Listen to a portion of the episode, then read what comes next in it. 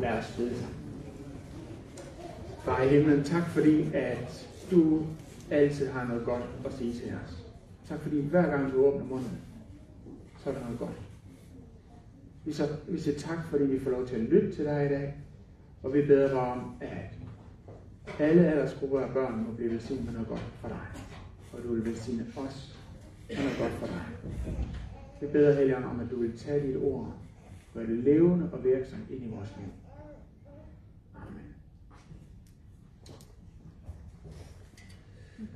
Ja, overskriften for øh, prædiken i dag er Woke med Jesus.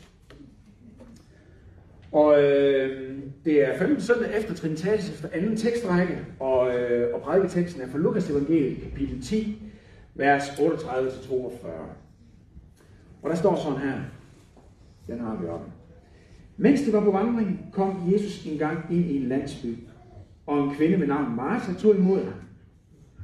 Hun havde en søster, som hed Maria, og hun satte sig ved Herrens fødder og lyttede til hans ord. Men Martha var travlt optaget af at sørge for ham. Hun kom hen og sagde, Herre, er du ligeglad med, at min søster lader mig være alene om at sørge for dig? Sig dog til hende, at hun skal hjælpe mig. Men Herren svarede hende, Martha, Martha, du gør dig bekymringer og er urolig for mange ting. Men et er fornøden. Maria har valgt den gode del, og den skal ikke tages fra hende. Jeg husker en øh, episode fra dengang jeg var dreng. Det tror jeg, det er 12 år. Og mig og så en øh, syv år ældre plejebror var blevet sat til en øh, opgave hjemme på gården, der hvor vi voksede op. Og øh, min plejebror Kim Per, han synes ikke, det var en særlig spændende opgave, vi havde fået. Så lige pludselig så var han væk, og jeg kunne ikke finde ham og lede efter ham, og fandt ham efter en halv times tid inde på hans værelse, hvor han var i gang med at læ- læse i Bibelen. Og, øh, han, han, og han det var altid vigtigt at læse Bibelen end alt muligt andet. og jeg kan huske, min far han grinede sådan, og han så sagde han, ah Kim, det er, det er dejligt, du er glad for at læse Bibelen. Men når man får en opgave, så skal man nu øh, lige øh, så få løst den. Og spørgsmålet er jo, om, øh, om det er rigtigt. Eller er det Maria og Kim Per, der har ret? Øh, og har valgt den gode del, og Martha og vi andre kan så stå med en lang næse og sige, Nå, det var så også der fik slemt. Er det det, der er pointen i dagens prædiketekst? Eller hvad er det? På overfladen så ligner den her skildring en konflikt øh, mellem to søstre omkring arbejdsdeling. Men går vi et spadestik dybere, så er der langt større temaer på spil. Nemlig temaer om kønsroller og temaer, der indeholder kulturel normkritik. Så øh, det er det, der kommer til at danne overskriften på prædiken også i dag. Og jeg har tre overskrifter, og det jeg vil sige, den første er baggrund for identitetsforståelse i teksten, den anden er baggrund for identitetsforståelsen i dag, og det sidste er, hvordan identitet i Jesus giver frihed. Så vi starter med baggrunden for identitetsforståelsen i teksten. Den er fra Lukas evangeliet. Og lige før vi kommer til den her beretning om Martha og Maria, så har Jesus fortalt en af sine mest elskede lignelser. Den her om den barmhjertige samaritaner. Men for tilhørende, der var det en utrolig græs ting at høre på. Fordi den her samaritaner havde en etnicitet, som man så ned på blandt, øh, blandt jøderne. Og Jesus han tog sig den frækhed og fremstillede ham som helten, der handlede efter Jesu ord. Og der står ikke om den her lignelse gør anledning til nogen Samaritan Life Matters bevægelse. Men i hvert fald så var det kras normkritik fra Jesus side, som illustrerer, at Jesus han simpelthen trækker nogle andre grænser, end dem man havde trukket i den kultur, som han var en del af. Og øh, for de tilhører, som har håbet, at nu skruer Jesus nok lidt ned for retorikken og de her kulturelle, anstødelige ting, som han lige har sagt lidt om, så bliver det kun værre med beretningen om Martha og Maria. Det virkelige problem mellem Martha og Maria var ikke den arbejdsbyrde, Martha hun havde i køkkenet. Den udfordring var sikkert virkelig nok, men det var kun et symptom på det, som virkelig havde fået Martha op i det røde felt. Nemlig, at Maria, hun opfører sig som en mand. Som det er øh, mange steder i verden i dag, så er hjemmene i de kulturer delt op i afdelinger. En afdeling for mænd og en afdeling for kvinder. Øh, vi har som nogle reminiscenser af det i vores øh, herskabsvillager i Danmark for gammel tid, hvor der var øh, herrerum og systuer. Så kunne kvinderne sidde i systuen og syg, og herrerne kunne sidde i herrerummet og, og ryge cigarer. Og det er jo egentlig dybt diskriminerende. For tænk på de kvinder, der ikke får lov at ryge cigarer i, øh, i den opdeling der. Det synes jeg faktisk er fuldt.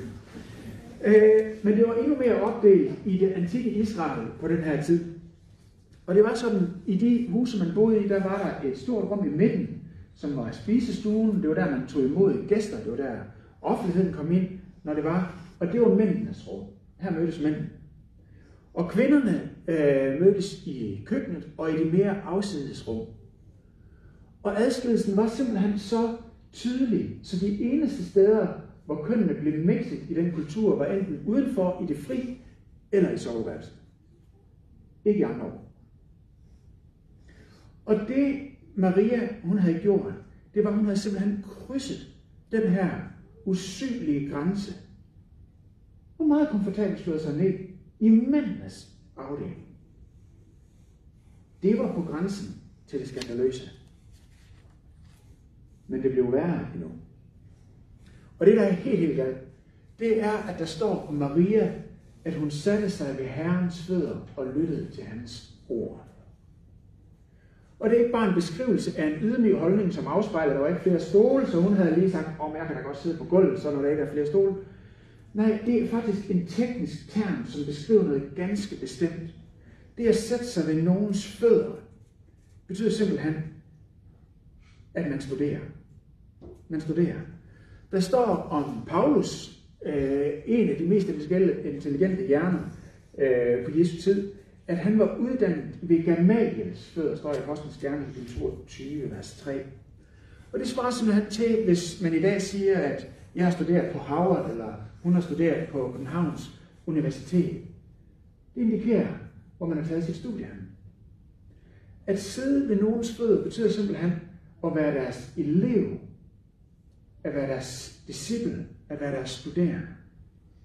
Og det var simpelthen kun noget, mænd de gjorde. Kvinder var ikke disciple, studerende, elever. Og ydermere, så betød det at sidde ved en rabbis fødder, ved en, ved en lærermesters fødder. Altid på det her tidspunkt, at man var i gang til at blive udlært til at give rabbins lærer videre. Det vil sige, at hun er i gang med at blive udlært til selv at lære noget videre. Hun har simpelthen fået pladsen som eventuelt kommende underviser og forkynder af Guds rige. Og Jesus bekræfter, at det er helt som det skal være. Og nu sidder hun der og lytter opmærksomt til Jesu ord. Hun tager selv imod, men hun lytter også for at kunne give det videre. Hmm. Her 2000 år, der er det jo en relativt selvfølge i vores verdensdel. Men dengang, der var det samfundsrevolutionerende. Der var det simpelthen som om, nu ryster det hele. Ingen piger gik i skole. Hvorfor skulle de det? Men Jesus, han er kommet for at bringe Guds rige. Og han trækker simpelthen nye grænser og bringer nye normer. Og sådan har det altid været. Sådan har det altid været. Og Martha, hun reagerer på det her. Hun reagerer som nogen velmenende troende altid har gjort, ud fra de bedste intentioner. Men nu kommer han til Jesus og siger Jesus, er du ligeglad med, at min søster lader mig være alene om at sørge for dig? Med andre ord, Jesus, du er med til, at der sker noget utroligt ukærligt her. Du går imod alle tidens kulturelle normer. Og det er det, jeg ser som det eneste kærlige. Og du gør noget helt andet, Jesus. Hvad sker der? Det, du står for, Jesus, det er ukærligt, det er ignorant, og det er fuldstændig ude af trit med virkeligheden. Se dog til Maria, se dog til min søster, at hun skal hjælpe mig. Du må simpelthen ændre praksis, Jesus. For det der, du gør, det strider simpelthen for meget i forhold til det omgivende samfund, og jeg kan slet ikke være med. Se, der er nogen, når de læser Bibelen, og så kommer til de holdninger, som Jesus og apostlene havde omkring ægteskab og køn og normer og sådan nogle ting, så tænker de, ja, men altså, det er fordi Jesus og apostlene, de var jo en del af en kultur. Men de var simpelthen så sovset ind i det der kultur, så de forstod slet ikke at tænke ud af boksen. Så når de siger et eller andet øh, om det, så kan vi roligt springe hen over det. Fordi de er i den grad øh, præget af deres egen tid. Det er tidsbestemt, det de siger, det er slet ikke relevant for os i dag. Så det standpunkt, det afspejler en eklatant mangel på viden. Både om det, som Jesus og apostlene egentlig siger, og en mangel på viden om Bibelen samtidig. På område efter område efter område efter område, der sætter Jesus og apostlene simpelthen helt andre normer, end dem, der var gældende i samtiden. Og en kristen etik har altid udfordret samtidens normer. Uanset om det har været traditionelle samfund, som det Martha Maria levede i, eller det er progressive samfund, som den vi har i dag. Og mange af de ting, som vi i vores samfund anser for frigørende, har rod i den kristne etik. Men da Jesus og apostlene introducerede den første gang, der var det alt sammen mindretalssynspunkter, som var utrolig udfordrende for de første kristne. Når Jesus og apostlen lærer om Guds rige, så efterklapper de ikke bare kulturen, men så trækker de linjen helt tilbage til det tabte paradis. For Jesus han er kommet for at gøre alting nyt. Og genoprette alt det, som gik i stykker. Og det er det perspektiv, der er for alt det, han siger og gør. Inklusiv hans apostel. De følger aldrig de forskellige kulturers slinge og kurs, men bringer noget helt nyt. Så lidt den identitetsforståelse, som kommer til udtryk i teksten. Nu vil jeg prøve at beskrive den selvforståelse, og ikke mindst den kønsforståelse, som det, det dominerer vores tid. Og i min øh, fremstilling, der trækker jeg primært på to forskere. Carl Truman og Nancy Percy. Og særligt to værker. Carl Truman har skrevet den der tykke øh, mobbedreng på en 600 sider, der hedder The Rising Triumph of the Modern Self. Med masser af eksempler og fodnoter. Og så har han også skrevet en, øh, et 200 sider sammenkog af det, der hedder Strange New World, øh, som er lidt mere let tilgængelig. Og Nancy Percy har skrevet den her fantastiske bog, der hedder Love Thy Body. Og hvis I har lyst til at udforske de her temaer noget mere, så er de her med anbefalet.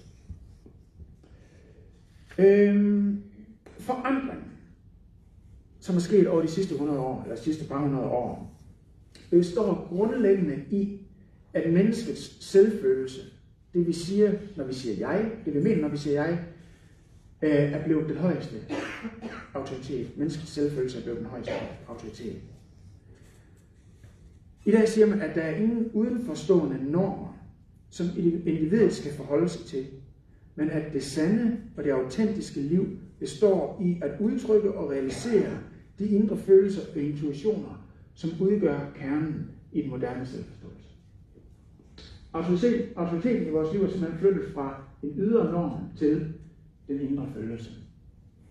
Og jeg vil lige starte med at afværge en misforståelse.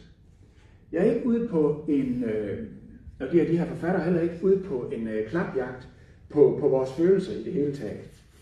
Det er faktisk meget vist at forholde sig til sine følelser og være i kontakt med dem. Følelser er i udgangspunktet hverken rigtige eller forkerte.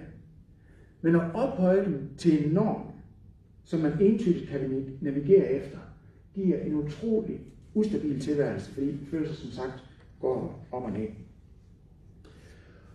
Og den her ændring i øh, forståelse af autoritet har medført øh, ændring på mange forhold i vores tilværelse. Jeg vil bare lige prøve at nævne to. For det første en ændring i synet på opdragelse, dannelse og uddannelse. Dannelse ses ikke længere som en formning og disciplinering af vores drifter, så det enkelte menneske vil være i stand til at tjene andre og tjene samfundet.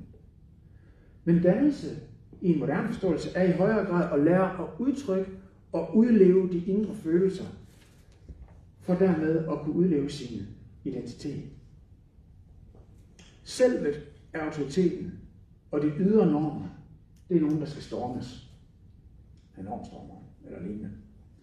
Og et eksempel på det er en øh, artikel fra Christi Dagblad den øh, 12.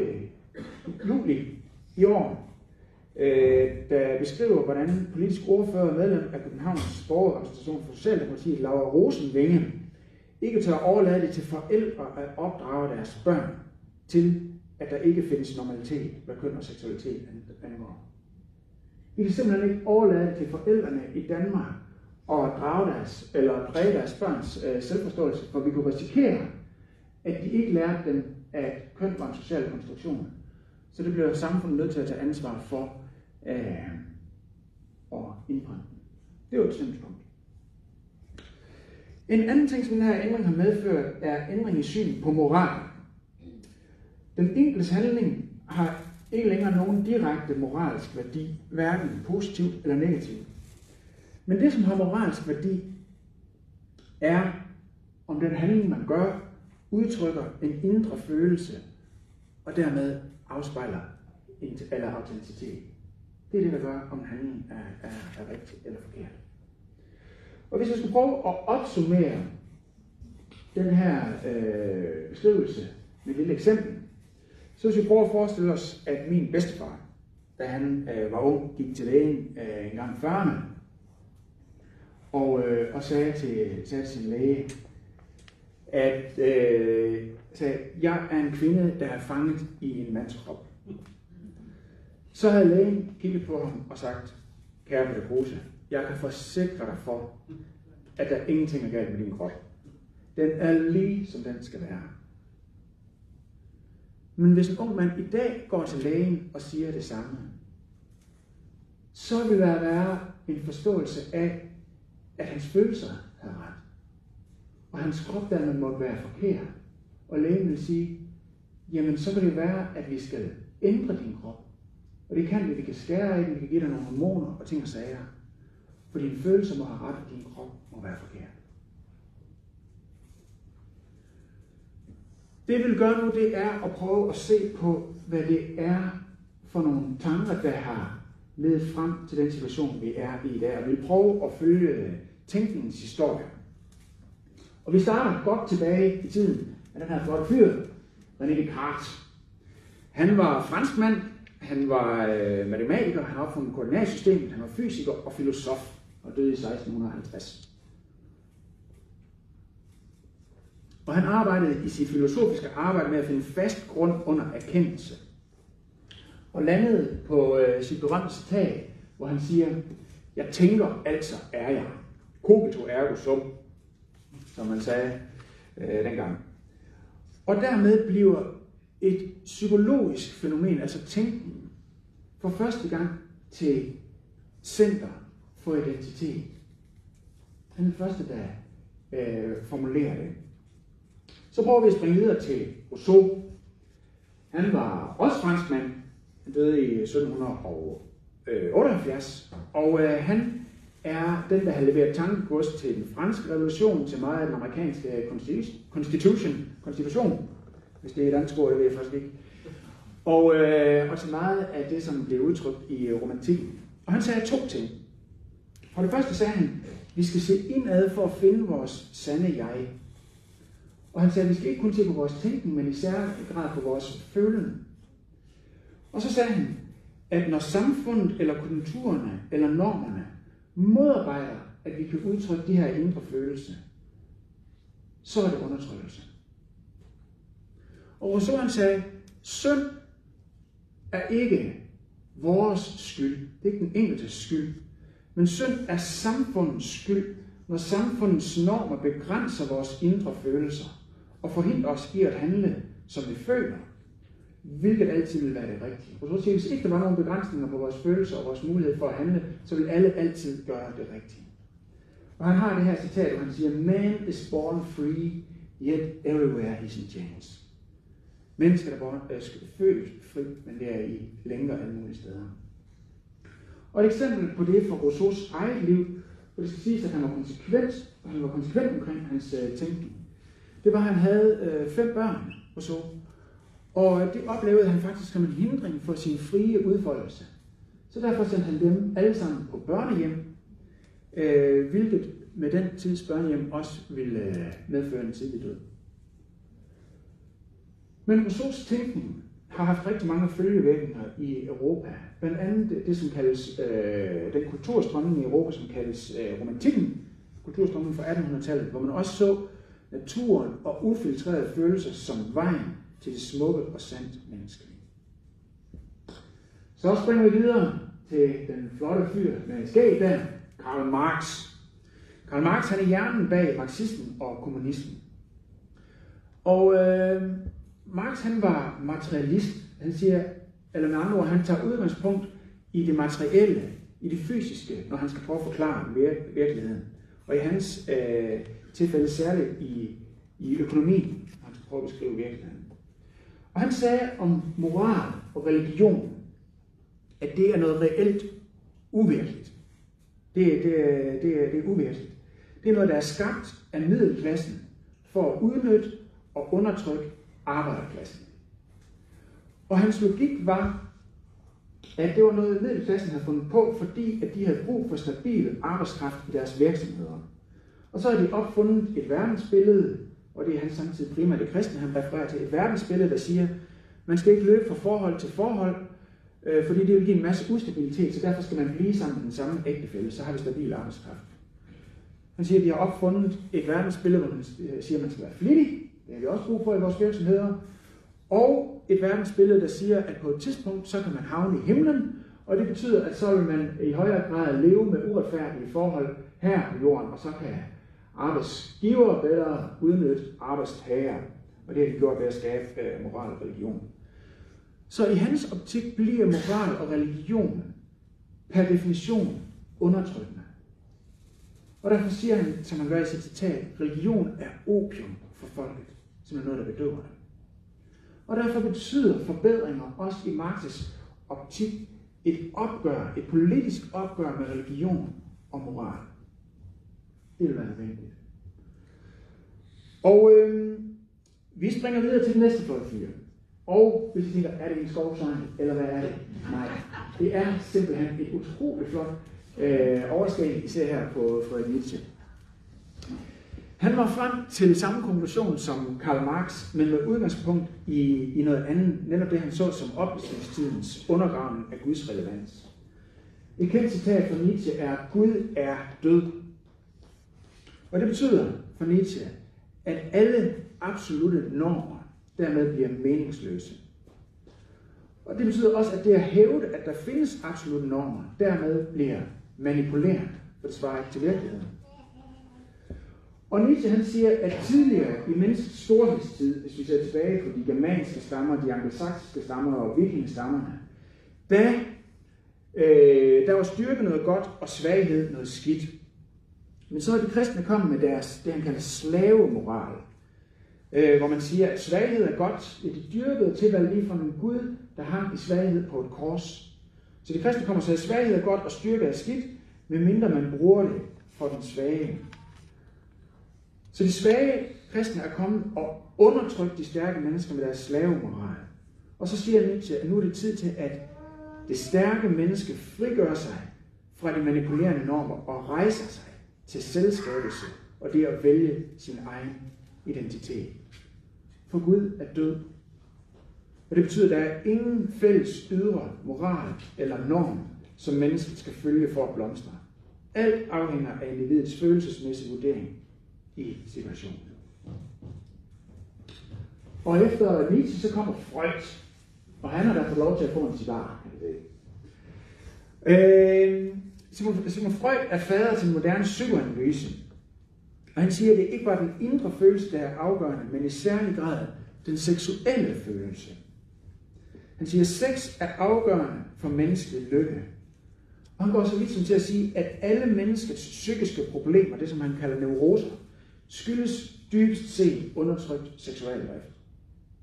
Så menneskelighed defineres simpelthen af seksuel lyst. Så hos, hos øh, folk så er sex ikke længere en handling, man gør, men det er simpelthen noget, man er. seksuel drift bliver koblet sammen med menneskets identitet.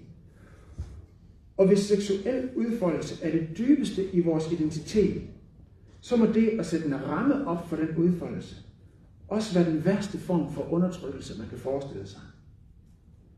Hvilket gør det logisk, at det at nedbryde normen på det område må være et politisk anlæggende for at skabe frihed i et samfund. Og en af Freuds elever, Wilhelm Reich, som også var marxist, siger, at seksual moral er noget, den privilegerede klasse har fundet på for at undertrykke andre. Og dermed bliver det også politisk ansvar at nedbryde de normer i kampen mod undertrykkelse. Så hvis vi lige skulle prøve at øh, opsummere på den her udvikling, så øh, defineres individet nu af dets seksuelle følelse. Det er det, der afgør menneskets identitet. Og alt, hvad der potentielt påvirker denne følelse negativt, bliver dermed også undertrykkelse af individet.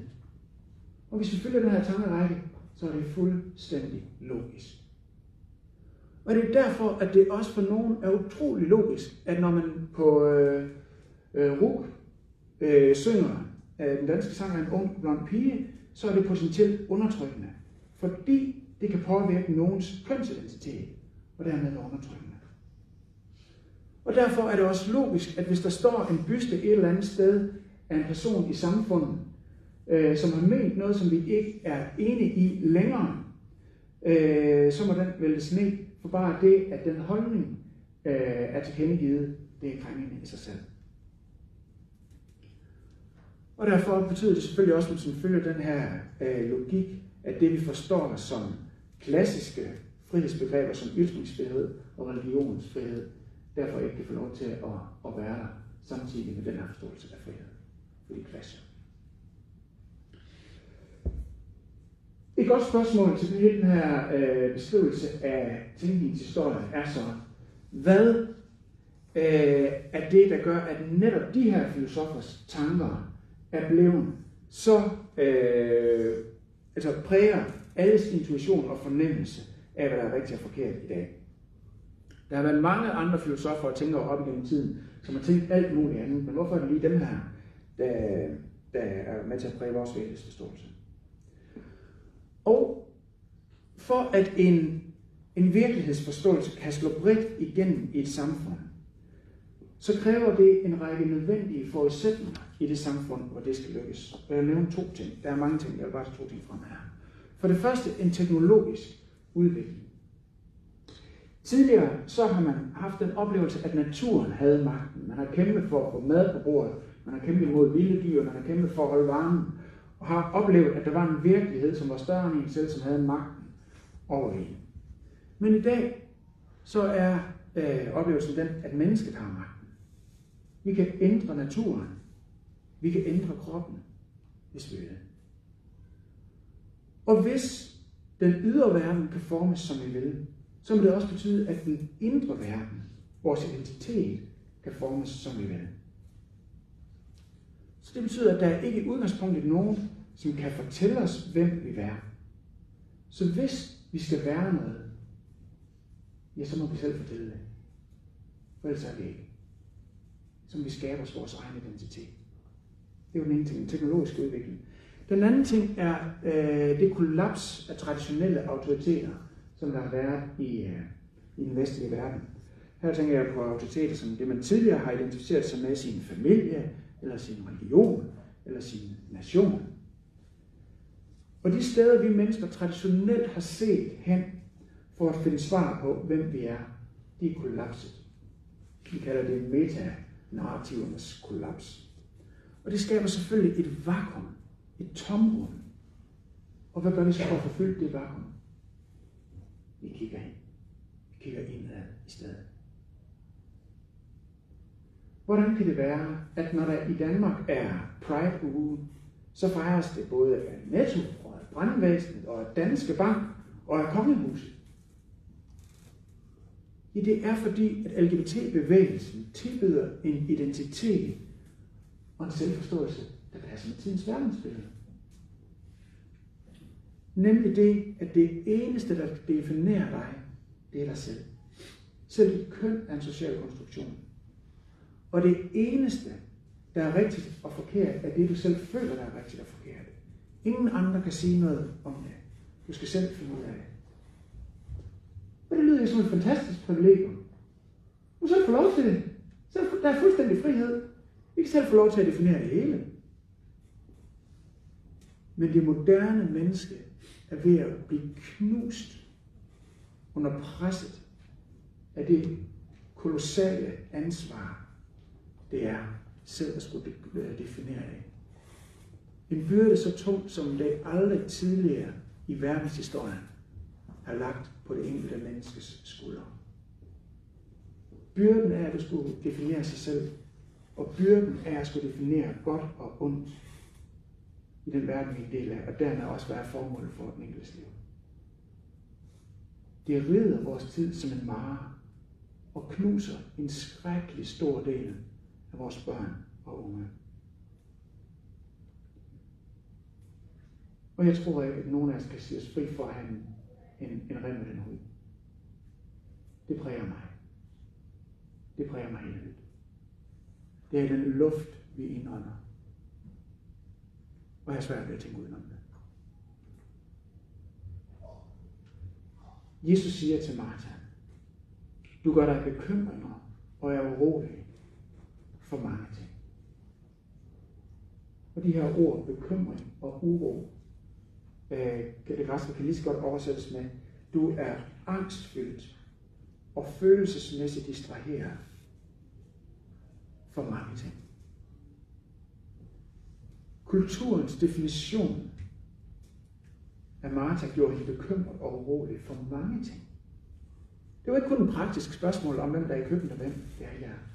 Det var også spørgsmål om selvbillede, spørgsmål om eget formål, spørgsmål om opgave, spørgsmål om betydning. Og det, det, det, det, det den identitetsforståelse betød, at hun øh, udførte social kontrol over Maria. Det bevæger, at hun forsøgte at manipulere Jesus til en holdning. Det gælder for kulturens definition af, hvem vi er dengang. Og det gælder for kulturens definition af, hvem vi er i dag. Og så mødes vi her søndag formiddag til gudstjeneste. Guds familie er et gældsfællesskab. Alle sammen med vores forskellige stemmer inde i hovedet, ligesom Martha. Stemmerne måske siger, Jesus, kan du ikke forstå, at det her er sandhed, at det her det er kærlighed, at det her er afgørende vigtigt. Nogle har stemmer, der siger, Jesus, jeg bliver nødt til at lægge mit liv og mit sjæl i min karriere, for ellers falder min verden sammen ifølge mit verdensbillede. Er du ligeglad med det? Det er den også, der er materialister. Andre siger, Jesus, jeg må kæmpe for at få en familie. Og hvis vi har fået en familie, så siger vi simpelthen, måske, Jesus, jeg må kæmpe for, at min familie ligner en artikel for familiejournalen. Fordi det er det, der giver mening i mit liv, i min verden. Er du ligeglad med det, Jesus? Er du ligeglad med min verden? Det er dem også, der er traditionalister. Dem, som har gjort familie og parforhold og romantik til livsmål. Og der er andre, der siger, Jesus, jeg må kæmpe for at udleve de følelser, jeg har inde i mig. For de udgør og definerer, hvem jeg er. Kan du ikke forstå, at det er det eneste rigtige at gøre? Det er dem også, som har købt tidens fortælling om forgudelsen af individets seksuelle følelser. Uanset hvilken retning de samme vej. Og så mødes vi her. Med alle mulige forskellige forestillinger om, hvad der er rigtigt at gøre. Og vi siger måske, som Martha, Jesus, det kan da ikke passe. Det kan da ikke passe, at du ikke kan forstå, hvor afgørende vigtigt det her det er. Og Jesus siger, Martha, Martha. Du gør dig så meget bekymringer. Du er så urolig. For så mange ting. Så mange ting. Og så siger Jesus også til Maria, eller han siger om Maria, Maria har valgt den modige. Maria har valgt den gode. Og hvad er det for en del, hun har valgt? Til et andet sted, så siger Jesus sådan her. Matthæus 11. Kom til mig. Alle I, som sveder jer trætte og bærer tunge byrder. Og jeg vil give Tag mit få på jer og lær af mig.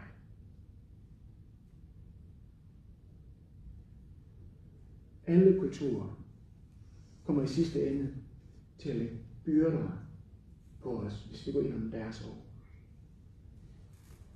Maria hun havde valgt at tage kulturens år af for at lære af Jesus. Og hvad lærer Jesus os så? Ja, han siger for det første til os. I er skabt i mit billede. I er skabt med en iboende værdighed, og I er skabt i mit billede, for at I ved at spejle jer i mig, siger Jesus, kan finde ud af, hvad I selv er. Skabt i mit billede, for at I ved at spejle jer i mig, kan finde ud af, hvad I selv er. Det siger han til alle mennesker, og så siger han til os, der er kristne, at I er født på ny ved dåb og tro, for at I igen skulle blive en del af min familie. For Gud som far.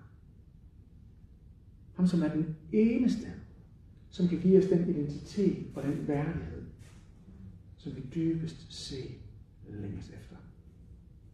Prøv at finde alle. Han er den eneste, som kan fortælle os, hvad formålet med vores liv er, så vi ikke en dag skal stå og kigge tilbage på det og sørge over, at vi har spildt det med et eller andet, som vi prøver på at få til at fylde et eller andet hul, der var et eller andet sted. Han er den eneste, som tilbyder et robust alternativ til tidens skift mellem traditionalisme, materialisme og individualisme.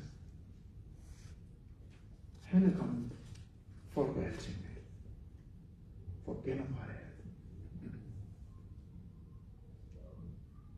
Så hvis vi vil være virkelig woke, virkelig vågen, så skal vi være woke med Jesus. Woke med Jesus.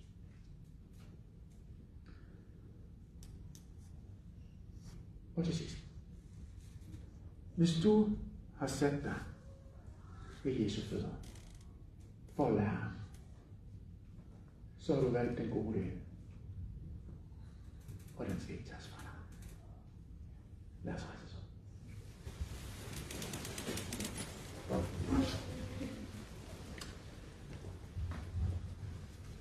På det her tidspunkt i gudstjenesten, der, der plejer vi at, at bede sammen.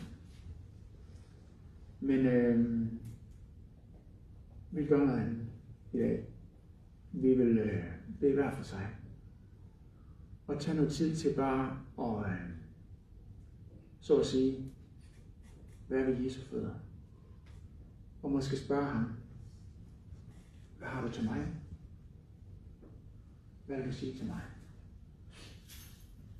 Det vil være lidt øh, stille og rolig musik, og så går vi lige så langsomt over i at synge de næste sange bagefter. Og der er også mulighed for at bevæge for resten af gudstjenesten over i den her side. Så man lad os bruge lidt tid til bare at spørge Jesus, hvad har du til mig? Hvad siger du til mig?